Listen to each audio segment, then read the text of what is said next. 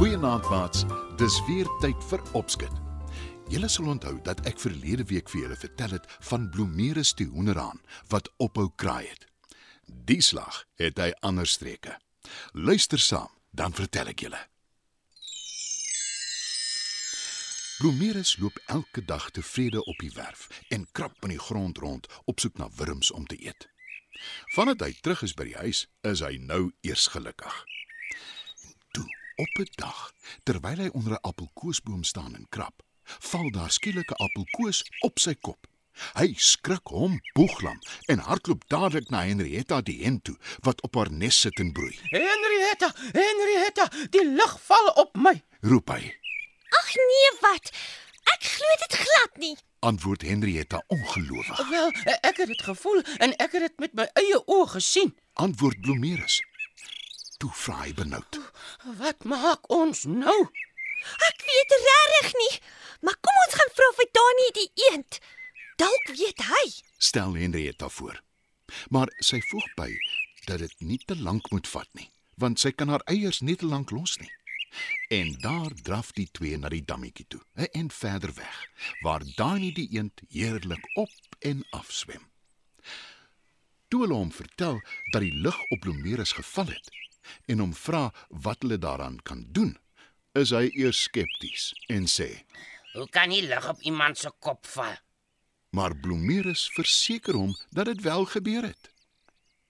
As daar iemand is wat sal weet, is dit volstrys. Met haar lang nek sien sy verder en baie meer raak as ons. antwoord Dani. Die drie gaan soek toe vir Antoinette, die volstruis op. Hulle vertel haar die hele storie. Maar sy glo nie 'n woord daarvan nie, Vat my na die boom toe waar dit gebeur het. sê sy. En die vier sit af na die appelkoesboom toe.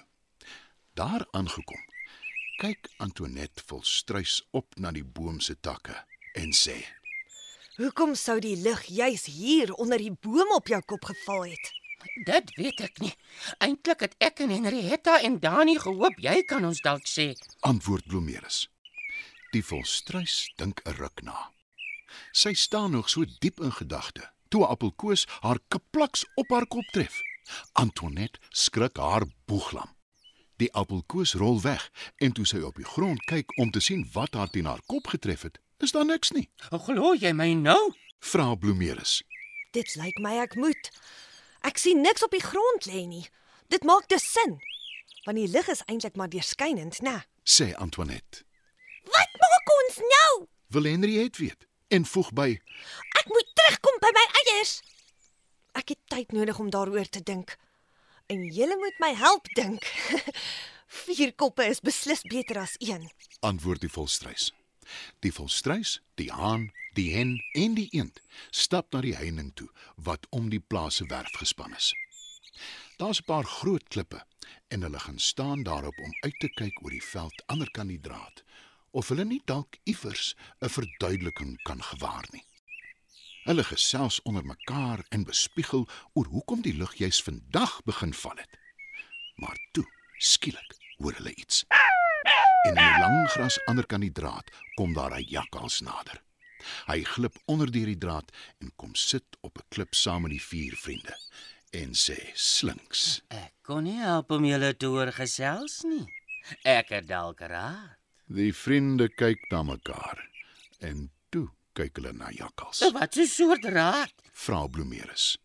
oor die lig wat op jou kop geval het. Antwoord jakkals en voeg by: Kom saam met my na my blyplek toe, dan verduidelik ek vir julle. Bloemeris die haan, Henriette die hen en Dani die eend kyk na mekaar. Hulle wik en weeg. Maar dan skop volstruis op die grond met een van haar pote en sê: Hoe dom dink jy is ons, hè? Die oomblik wat ons by jou huis inloop, vreet jy ons op. Nou, vat jy my darm lelik in die gesig. Al wat ek wil doen is om julle te probeer help. sê jakkals hartseer. As daar een ding is wat ek verseker weet, is dat jy 'n jakkals nooit kan vertrou nie. Dit maak nie saak hoekom jy lig geval het nie. Dit maak nie eers saak of dit regtig geval het nie. Al wat saak maak, is dat ons wegkom van die jakkals af. Sê Volstruis ferm vir haar drie vriende. En die vriende gaan terug na die plaaswerf toe. Jakkals bly beteuterd agter, want ja, die Volstruis is inderdaad reg. Hy was van plan om die vier vriende op te vreet. Wel, die haan, die hen en die eend. Die Volstruis is 'n ander storie. Tuis aangekom, sluit Bromeres se goeie maat Eleanor die koei by hulle aan. Nadat sy van die hele betalletjie gehoor het, sê sy vir hom: Ag nee, Bloemerus. Wat nou weer? Jou lawwe dier. en almal lag lekker saam. Bloemeres in kluis.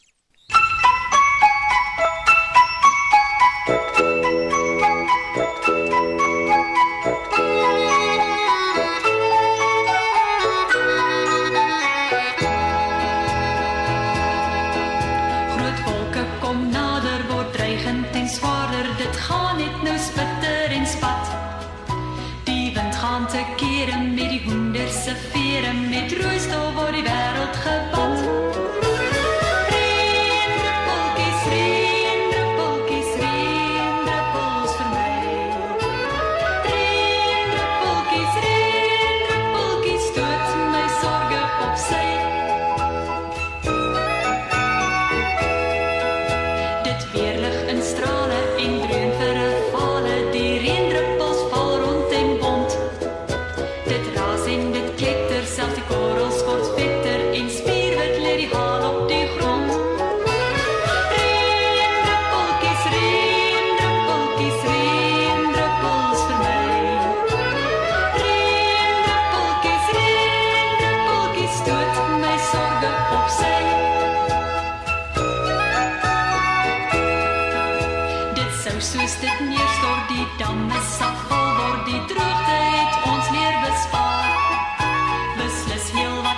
Beslis heel wat later sal